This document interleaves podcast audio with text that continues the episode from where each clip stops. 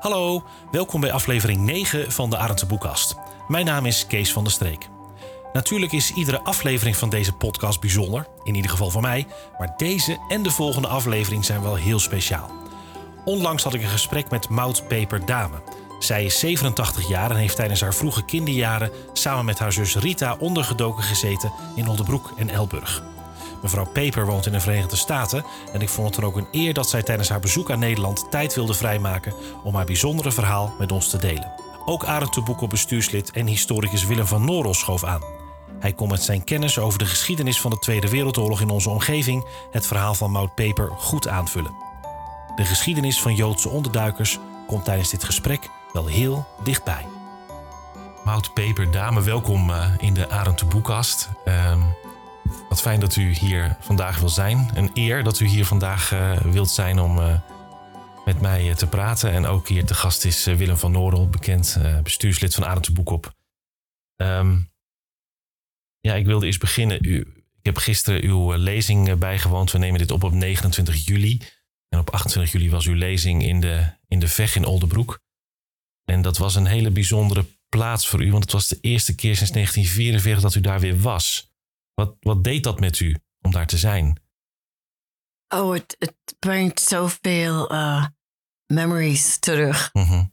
um, speciaal hier in Oldenbroek en in Elburg. Um, ik denk altijd weer, ik zie het, dan zie ik het in mijn in me, in me hoofd zo als het was. Mm -hmm. 80 jaar geleden, meer ja. dan 80 jaar geleden. Maar, maar ik voel me ook goed omdat ik ben zo blij dat ik, dat, dat ik, daar, dat ik hier weer kan zijn. Ja, ja. Want in die vecht, daar, daar, daar, kerkte u vroeger in de, in de oorlog samen met de familie waar u ondergedoken was. Ja, ja. ja. Dat was, dat was, dus nooit ben ik meer in de kerk geweest. Dus de avond was de eerste keer ja. na al die jaren. Ja. En dat, dat vond een beetje ging een beetje aan mijn hart. Ja. Um, om daar weer te zijn. Maar ik vond het toch zo mooi dat ik daar, dat ik daar kon zijn. En, Heel bijzonder. Ja. Heel bijzonder. En ik vroeg me ook nog af hoe het nu met u is. Want u bent inmiddels bijna drie of twee, twee weken bent u in, uh, in Nederland, bijna drie. Of ja. in, in, ieder geval in Europa. In Europa. Ja. En hoe, um, ja, hoe, hoe, is het nu met, hoe is het nu met u? Want u bent 87 jaar oud en dan heel Europa door. Hoe, hoe, hoe trekt een mens dat? Ik weet het niet. De groep die ik leid, die, die, kunnen het ook niet verstaan. Maar ze zeggen, nou, kunnen we even rusten? Nee, nee, we gaan verder, we gaan verder. En, maar zo één heeft geschreven, ze hebben alles op, op hun uh, Apple Watch of wisten precies hoeveel mijl. Iemand had geschreven, 100 mijl hebben we gelopen. Ja. In die well, 16 dagen. Ja. En u houdt dat gewoon allemaal vol. Ja. En u wilt ook nog vandaag met, met, met, met Willem en mij gaan praten over, uh, over uw verhaal. Oh ja, tuurlijk. Ja, geweldig, geweldig. Ik vind het zo fijn dat u, er, dat u hier vandaag uh, wilt zijn. Um, ik wil eerst met u terug naar de datum 29 maart 1981. U vertelde gisteren tijdens de lezing dat u keek naar het nieuwsprogramma 60 Minutes. Ja. En dat was een allesbepalende datum. Kunt u daar eens wat over zeggen? Wel, ik had nooit veel over gezegd wie ik ben en wat er gebeurd is. Want ik, heb, ik spreek Engels zonder accent. Mm -hmm. En zo niemand vraagt je, als je een accent hebt, dan zeggen mensen altijd, waar ben je vandaan? Ja. Maar niemand vroeg wat. En zo kwam in Amerika in 1950. Het is nu 1981. Mm -hmm. En ik dat programma, ik heb nagekeken. En dan de volgende week kan je dan zien wat mensen geschreven hebben. Ja. En daar zag ik dat. En, wat zag en ik kon het niet geloven. En het is ook, ik ken die vrouw die dat geschreven had. Ja. Ja, ze zei dat eigenlijk dat er waren geen uh, gaskamers. En, en toen ik dat zag, you know, er waren geen uh, gaskamers in de Tweede Oorlog. Mm -hmm. de Duitsers hebben dat niet gedaan. En ik denk, nou, toen ze dat zag op, op de tv, ik zeg, nou, ik, ik, nu moet ik beginnen om te praten. Want er was ook niet veel die tijd. Het was meestal over mensen die in concentratiekampen waren. Er was eigenlijk nog niet veel over mensen die ondergedoken waren. -hmm. En, en ik kende die mevrouw. Ja. En er was net, um, uh, er was net een, een verkiezing voor burgemeester van mijn stad waar ik woonde. En zij en haar man werkten voor een van die kandidaten. En toen was er, heb ik het aan een, een journalist, vriend van mij, vriend, kennis van mij, iets daarover gezegd. Mhm.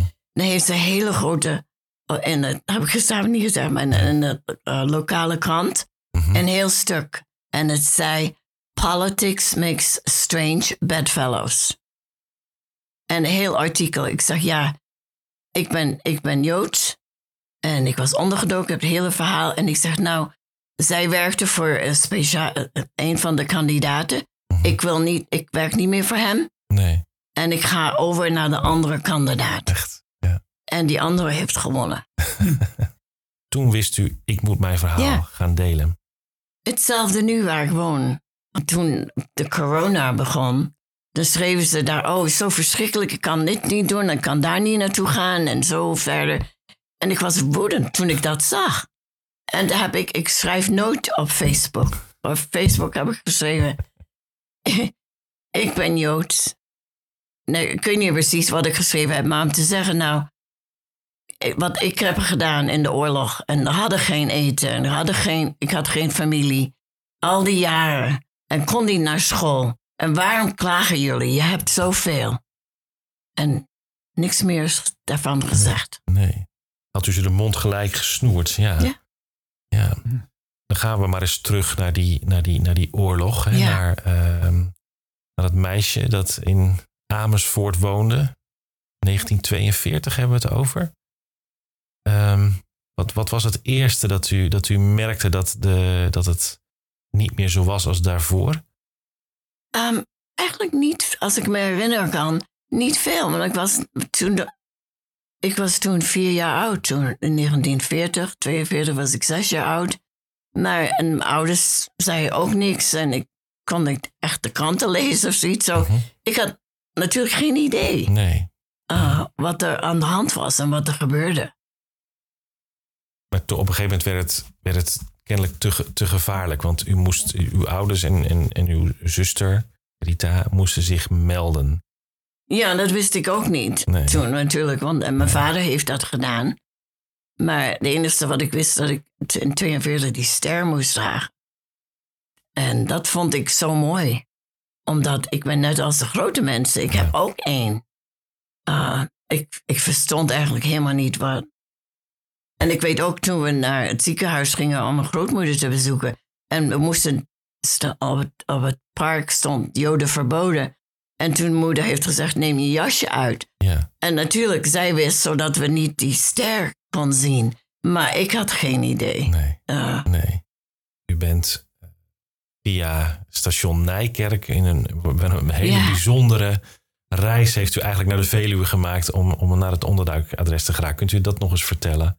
Ja, want ehm, helemaal terug tot eh, de, de, de rabbijn of de synagoog op een zondagmiddag heeft een brief voorgelezen. Dat was van de Duitse command, commander. En het zegt dat ze eh, heel goed nieuws voor ons hadden. Mhm. Dat we van de oorlog kunnen weggaan. Ze hebben treinen voor ons, die gaan naar het oosten. En hier is een lijst of wat je moet meenemen. En ehm, toen zeiden mijn ouders, iedereen na. Daarna stonden buiten de synagoge en ze zeiden, wat bedoelt dat? Ja, Gaan naar het oosten, de treinen. En toen zijn ze stiekemjes in het huis gekomen van de, de local eh, burgemeester. Want ze Mhm. dachten, misschien weet hij wat. ja, En eh, toen zag mijn moeder dezelfde brief. En toen vroeg ze hem, ze dacht misschien is hij een NSB'er. ja. Toen zegt hij, nee, nee. Ik werk voor de vrijwilligers. Mhm. En, eh, en toen zei hij, nou, we hebben... We proberen, we hebben, zijn helemaal door de, Gel de Veluwe daar in Oldenburg, Elburg doorgegaan... om uit te vinden wie van mensen willen Joodse kinderen in het huis nemen. Mhm. En zegt hij, ik heb een adres voor je meisjes. Maar kan je niet zeggen wie die mensen zijn of waar ze wonen? Maar hij zei dat ehm, het enige, geloof ik, wat hij aan mijn moeder heeft gezegd, was eh, het was op een boerderij. ja. Maar dat is alles wat mijn ouders wisten van de hele oorlog. Dat we ergens op een boerderij waren. Of we nog leefden of niet, wisten ze niet. En u, zei daar gisteren een zin over die me echt trof. U zei ja, ik ben zelf ook moeder. En Ja, daarmee bedoelde u te zeggen wat een Hoe- vreselijke beslissing het moet zijn het geweest. is het ook. Ik, ik, denk, ik denk natuurlijk, nu als ik ouder ben en ook kinderen heb, ik dacht, nou, kan, kan ik dat doen? Ja. Mijn kinderen weggeven aan total vreemde mensen. En ik weet niet waar ze zijn en Mhm. of ik ze ooit weer zie. Ja. Maar ik dacht, nou, het, mijn ouders hebben gezegd ja. Ja. En mijn tante, mijn vaders eh, zuster, ik had drie, één nichtje en twee neefjes. Zij wachten, de, nee, het is nog, we kunnen nog een, ze had ook een adres voor haar kinderen. Maar nee, we kunnen nog eventjes wachten. Het is nog niet zo erg. En toen was het te laat. En Ze zijn allemaal omgekomen in Sobibor.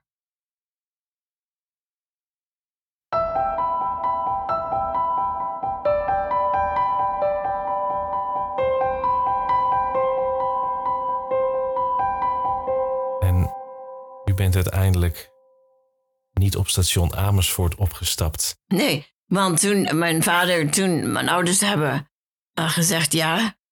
En toen hebben ze gezegd, hebben ze mijn ouders verteld waar wij heen zullen gaan. Mhm. En ik weet het nog precies, die dag dat mijn, oud, mijn vader had de twee koffertjes. Mhm. En Rita en ik waren op onze fiets.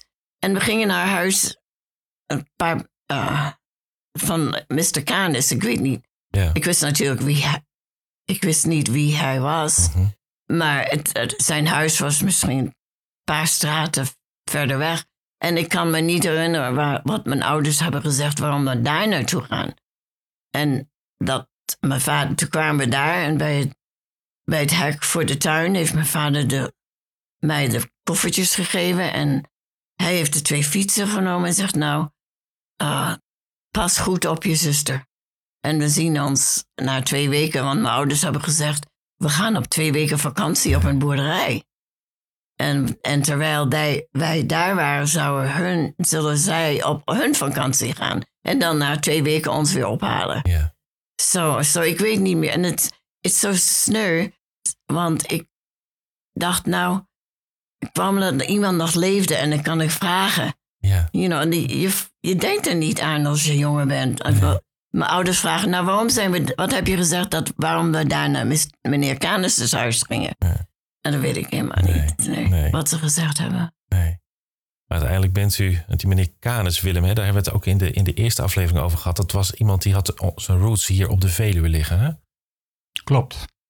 Jan Canes die was eh, op het postkantoor in Oldenbroek. Mhm. En die krijgt een benoeming in Amersfoort twee dagen voordat de oorlog uitbrak. Dat wist hij niet, natuurlijk dat die oorlog uitbrak op 10 mei, maar op Nee. 8 mei heeft hij die benoeming in Amersfoort gekregen. En op dat postkantoor in Amersfoort ontmoette Jan Canes heel veel mensen. En daardoor wist hij ook van eh, nou ja, de Amersfoorters, maar ook van natuurlijk Oldenbroek. En Jan Canes is de sleutelfiguur uiteindelijk geworden. Een tussenstation tussen Amersfoort, de Joden uit Amersfoort en Oldenbroek. Mhm. En uiteindelijk heeft Jan Canes gezorgd voor 40 mensen Mhm. die onderduik konden krijgen. En 38 hebben de oorlog overleefd en twee niet. En die twee, daar weet Mout wel iets over te zeggen. Dat is een heel bijzonder verhaal. Die Ja. twee mensen die het niet gehaald hebben. Ja, want daar uiteindelijk bent u, omdat u in Amersfoort, vertelde u gisteren, op dat station kenden ze u en u wilde eigenlijk een soort anoniem natuurlijk die, die kant op gaan. Uiteindelijk bent u via Nijkerk, via een pittige, pittige rit, bent u daar terechtgekomen Door het bos. door het bos. Oh ja, want eh, mijn grootvader en mijn vader werkten. Dat was een restaurant Mhm. eh, bij het tramstation en dat was een kiosk. En dat was van mijn vader en mijn grootvader. Zo iedereen kende mijn zus en ik op, op, daar op het station. Ze zagen ons altijd. Zo daarom hebben ze gezegd nee. Da- Dat was dan het idee om naar Nijkerk te gaan. In de midden van de nacht, dat het donker was. Ja, Tot Nijkerk en daar op de trein gaan. ja, En dat is ook gebeurd. heeft u gedaan. Uiteindelijk kwam u terecht in Oldenbroek. En Spook. Ja, Ik kan me ook niet, helemaal niet herinneren hoe we van het station in Oldenburg tot de eh, familie Sprong kwamen. Met, met, Nee. Hebben we gelopen, waren we op een fiets, dat weet ik niet meer. Ja. Ik weet dat we de trein hebben genomen in Nijkerk en dan, dan weet ik weer toen we aankwamen op de boerderij. en toen dan ontmoette u de familie en Hoe is dat dan voor zo'n meisje die ook nog voor een jongere zusje moet zorgen om daar in een wildvreemde omgeving terecht te komen? Mensen die dialect spreken, hoe, hoe is dat? Dat was moeilijk. Want ik had moeite ze te verstaan. En, uh, en aan vreemde mensen die ik niet kende. En, en zij, zij hadden nooit kinderen. Ze zijn nu al in de 60 jaar, uh, de Sprongs. Mhm. En het was zo leuk. Eén keer toen ik hier was, kwam een dame. Ze zei, oh, Maud, Maud en Rita, Maud en Rita. Ja, zegt ze, want Tanny wist niet wat te doen met twee kleine kinderen. En ik moest daar nou altijd naartoe gaan om onder ons te verzorgen. En Tanny laten zien, nou, dit en dat. Want Tanny was de naam die u gaf aan... eh, Ja, want ze- de eerste dag dat we aangekomen zijn bij hun op de boerderij was... Er waren zoveel soldaten, die waren er overal en op de straat waren allemaal militaire auto's en tanks. En ze wisten niet wat met, met ons te doen. En hier staan twee meisjes in kleren van de stad. En ze, wat doen ze? Zo hebben ze me gezegd, ik geloof dat ze me, hoe heet dat, verstoppertje Ja. gespeeld. We moesten ons eh, s- in het, eh, in het ve- veld met, met Ja. grain, wheat, ja, daar verstoppen. En dat, dat hebben we ook gedaan. En dan diezelfde, toen zei ze, we konden weer uitkomen. En toen zei die, die avond heeft, hebben ze me neergezet en dan hebben ze mij verteld. ja, Ik was 6,5 jaar waarom we daar waren. In, geloof, zodat ik in, in, in terminology dat ik kon verstaan Ja, als een kind. Ja, ja, En ze zeiden nou, we vertellen je wat en dat moet je herinneren. Als iemand je vraagt, wie ben jij? Dit moet je zeggen. Dat jullie zijn nichten van ons die uh, waren in een bombardement, hadden geen huis en nu wonen bij hun. En dat, ehm, nou dat we nichten zijn, moeten ze oom en tante noemen. Mhm. Maar Mijn zuster kon nooit tante uitspreken, zegt altijd Tanny. Oh ja. Zo onze hele leven was zij Tanny Ja. voor ons. En oom was oom. ja, En oom Evert, uh, Tanny's broer, woonde ook bij ons, dus Mhm. klompenmaker. En het zei ze, ik kon niet naar school gaan. Want ze waren bang dat ik misschien iets zou zeggen tegen een andere student. ja, En misschien mijn, eh, mijn naam of ik weet niet wat. Maar, en dan da- waren ze, zei, ze waren bang dat het kind naar huis gaat. ja. En vertelt de ouders en ze kunnen NSB'ers zijn. Ja, want dat gevaar dat was niet, was niet maar zo theoretisch. Want eh, Willem refereerde er net al aan. Bleek dat even verderop eh, uw, uw oude kleuterjuf uit Amersfoort ondergedoken zat. En Ja, daar ging u ook wel eens naartoe. elke zondag naar de kerk. Eerste keer, de eerste keer dat we haar gezien hebben, was na de kerk gingen we naar, eh, het was eh, Mrs. Blauw, Mhm. haar boerderij. En we waren zo verbaasd. Daar was mijn kinderklaslerares en haar man. En eh, toen elke zondag daarna ging, naar de kerk gingen we daar naartoe. En ze begon ons te helpen om te lezen. En, eh, en dan één dag gingen we niet meer. En ik heb nooit geweten wat met hun gebeurd is. Het was jaren na de oorlog heb ik uitgevonden dat iemand had hun verraden. waren dus die twee mensen waar Willem het over sprak. Dat zijn de enigen die uiteindelijk via Canis op de Veluwe terecht zijn gekomen. Ja. Die de oorlog niet hebben, Ja. niet hebben overleefd. Want zij ook, me- meneer Canis heeft ook mensen in zijn huis genomen voordat hij ze weggebracht heeft. En mijn lerares en haar man waren ook bij hem voor een poosje. En ehm, zo, ja, maar die, die, dat waren de twee die niet, eh, die niet overleefd hebben. Is daar meer bekend over hoe, de, hoe dat verraad heeft plaatsgevonden, Willem? Ja, die, de namen van die mensen waren Alfred Snel en Eva Snel. En eh, in Oldenbroek, ja, dat is een groot gebied natuurlijk. Ja, Daar, er zijn ontzettend veel mensen ondergedoken geweest, maar de kans op verraad was er dan ook. Dus je Ja. hoefde maar één fout iemand te hebben die zegt, oh, dat is verdacht, daar komen. En vaak werd het ook voor geld gedaan. Dat is het erge. Dat noemen ze kopgeld. Mm. ja, Je kon voor 7,5 gulden kon je iemand verraden. Nou, dat was toen veel geld. Ja. Maar het fijne is nooit bekend geworden. En wie het verraad heeft gepleegd ook niet. Maar ze zijn uiteindelijk in Zwolle terechtgekomen. En bij het Engelse werk, dat is een soort gebied aan de rand Ja. van Zwolle. Daar moesten ze een kuil graven, toen wisten ze het nog niet. En er zijn zes mensen geëxecuteerd, doodgeschoten. En daar is ook een monument van. Ijzingwekkend verhaal. Ja. En na de oorlog is Eva en Alfred Snel, die zijn herbegraven op de begraafplaats in Westerbork. Mhm. Dus dat is een heel tragisch verhaal. Ja. En het, het trieste is Jan Canes, die notabene 38 mensen heeft gered. Die had het niet, ja dat vond hij wel belangrijk natuurlijk, maar die had het altijd over die twee mensen die niet gered waren. Dat vond hij verschrikkelijk. Hij Dat heeft hij als een ballast, een zware last met zich meegenomen na de oorlog. Terwijl hij daar echt niets aan kon doen natuurlijk. Hij- Nee. Niets. Maar dat vond hij erg. Maar ze hebben hem ook opgepakt.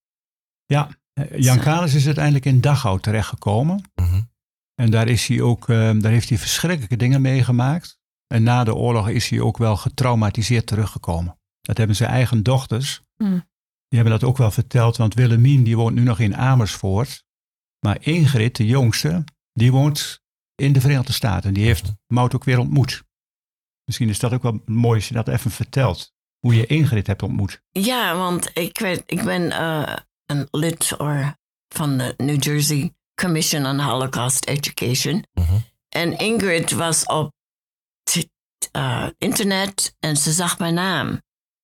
En toen heeft ze geschreven naar de eh, commission. Kon ze mijn adres hebben? Zo de commission belde mij op. Ik zeg, ja, het is goed, je kan het uitgeven. En zo heb, toen hebben we contact gemaakt. Dat was alleen maar misschien vijf jaar geleden. En eh, ze was zo blij. En ze vertelde me ook, want toen we in de midden van de nacht naar Nijkerk moeten lopen, heb ik de hele tijd bosbessen geplukt. En ze zegt, ja, mijn vader vertelde dat altijd aan ons. Dat ik altijd, we moesten vlug doorlopen, maar nee, ik moest eerst bosbessen pakken. Maar zo daar heb ik haar ontmoet. En dan in New Jersey hebben we, voor Yom HaShoah hebben wij een programma gedaan. Eh, een, een Zoom, eh, virtual. Ja. En gist, eergisteren kreeg ik een brief van Seattle. En ze willen hebben dat ik daar naartoe kom. Want en, er- eh, Ingrid en ik weer een uh, Yom HaShoah programma, programma doen. Prachtig. Mooi. Zo, ze zeggen dat was, ze waren zo eh, interesse en het was zo, ging aan hun hart dat wij tweeën daar stonden en, en eh kaarsen hebben ge, gelicht. Ja. Nou, En Ingrid die is geboren in 1943. Mhm. Dus ehm, toen Jan Canes opgepakt werd, die zat in ook een verzetsgroep in eh, Soest. Ja, die, eh, toen, toen heeft Jan Canes natuurlijk die eerste ontwikkeling van Ingrid ook niet gezien. Willemien was van 1941 en die vertelde mij dat ze demonstratief de naam Willemina, Willemien genoemd Mhm. hebben. Ook als een soort verzetsdaad van we noemen haar naar de oude koningin. Ja, Dus die twee dames die, eh, die leven nog, allebei nog. alle twee. Mhm. En die hebben we elkaar ook weer ontmoet in kamp eh, Vierhouten. Bij het hebben we dorp. een gesprek gehad, hè? Weet ja, je dat nog? en toen In- ik in het contact maakte bos. met Ingrid, zei ik, nou, waarom kom, ik doe een hele groep met mensen elk jaar. Waar, en toen schreef ze, ja, ik kom. Hmm. Ik kom naar Nederland. Ja. En dan hebben wij haar en haar zuster meegenomen die hele dag. Vierhouten, Oldenbroek, Elburg. En eh, zo dat was, en de groep vond dat ook zo eh, important. Ja, om, om haar te ontmoeten en haar, ze heeft over haar vader verteld. Ja. en Jan Canes, die verdient echt een standbeeld. Dat heeft hij later ook gehad met de Yad Vashem erkenning. Mhm. Deze man die heeft eh, zijn leven echt op het spel gezet, maar Ja. ook van zijn gezin. Ja. En zijn dochter zat zelfs ook in het Ja. verzet, de oudste dochter. En eh, als je dan bedenkt dat zo'n man na de oorlog toch dat trauma van de, die oorlog niet kwijtraakt, dan is de prijs die iemand betaalt om dit werk te doen, is wel heel hoog. Ik heb hem ontmoet na de oorlog weer. Ik geloof dat ze woonde op het Harde. Klopt. Ja, en ehm, ik kan het nog zien. Ehm, toen was ik 9,5 jaar oud en ik, ik, ik verstond niet alles, maar Nee. ik was zo blij om hem te zien. Mhm. Ehm, maar dat was, ik heb hem maar één keer gezien. Ja. Maar ik vond het toch zo mooi dat, om hem weer te zien. Ja, echt een held. Ja.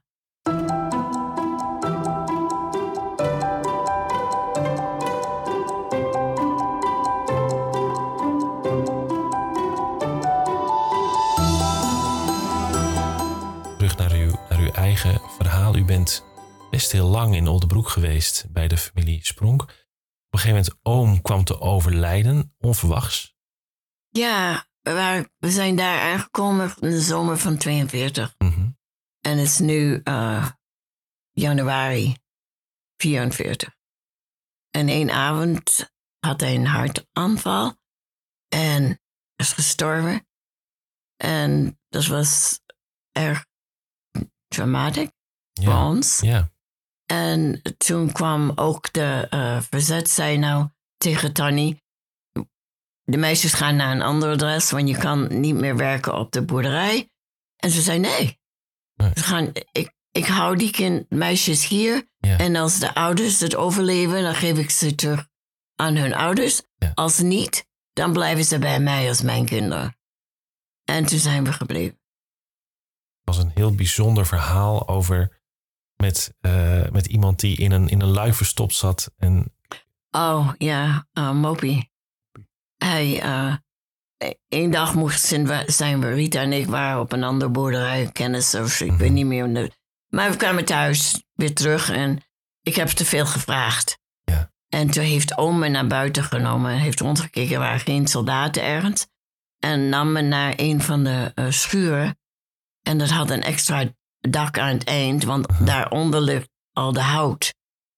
Want you know, er was geen elektriciteit en alles. En alles ging met hout. En eh, toen keek hij en hij zag geen, zag geen soldaten. Zo, daar heeft hij vlug een beetje van dat huis weggemaakt. mhm, En er was een, een, een deur, een, hoe heet het? Sla, Luik. luik. ja, Heeft hij opgenomen en ik keek en er was een gat in de grond. En er was een jonge man daar, zo 17 jaar oud. mhm, Hij had wat kaarsen en zijn matras, eh, straw, Ja. matras. En zo en heeft oom gezegd, nou, dit is moop en zo.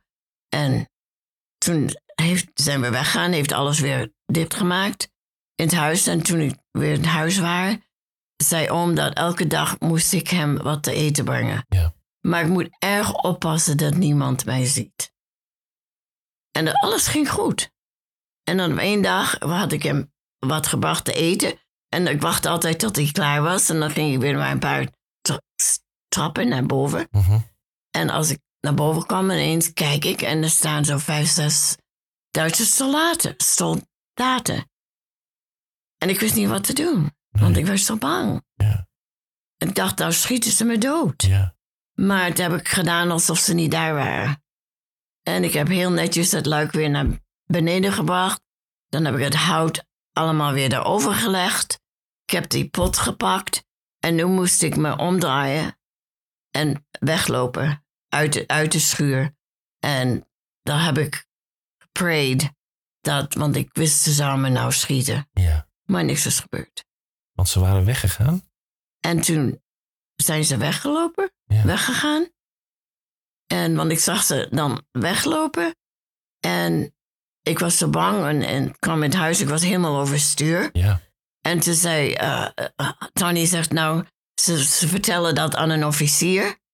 En ze komen terug en halen ons allemaal op. Ja. En ze hebben meteen eh Moop eruit genomen.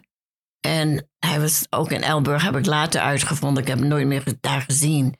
Zo hij was weg. En elke avond ging ik naar bed en prayed Ja. dat ze niet komen. Want als, als de soldaten kwamen het ons weg te nemen, dan was het allemaal mijn fout. Maar niemand is ooit gekomen. En dan, als ik ouder werd, dan kon ik het een beetje meer verstaan. Dat die waren mannen die, die moesten in de armee gaan. ja, Die hebben ook familie en kinderen. ja. En die kunnen. Waren niet nazi's. Nee. Als zo. Nee, want, want Willem, dat, het, we hebben natuurlijk het beeld vaak dat, ja, dat het allemaal beesten waren. Maar er zaten ook Nee. de jongens tussen die er anders in, anders in stonden. Was dit daar een voorbeeld van, denk jij? Ik denk het wel. Eh, ik weet het in ieder geval hier in Elburg. Er waren oudere Duitse soldaten. Die gewoon hier op de vismarkt stonden. In het centrum. Waar je dus de haring kunt Mhm. kopen. Tussen de Elburgers in. En dan zeiden ze. We hopen maar dat de oorlog gauw voorbij is. Die waren niet gemotiveerd. Ja. En die waren ook niet lastig. Die, die hadden, net wat Mout zegt, het gevoel, we hebben ook vrouw en kinderen en familie. Mhm. En we willen terug.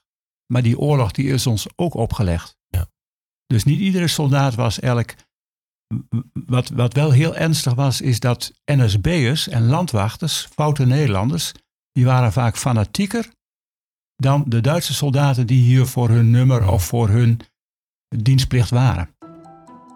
Dus ja, dat, ik denk dat dat ook gebeurd is in Oldebroek. Ze hebben gedacht, ach, zo'n onschuldig Joods meisje, of Joods, dat hebben ze niet geweten, onschuldig meisje, da- daar doen we niks mee. Nee, nee. Dan kijken ze weg, noemen ze Ja. dat.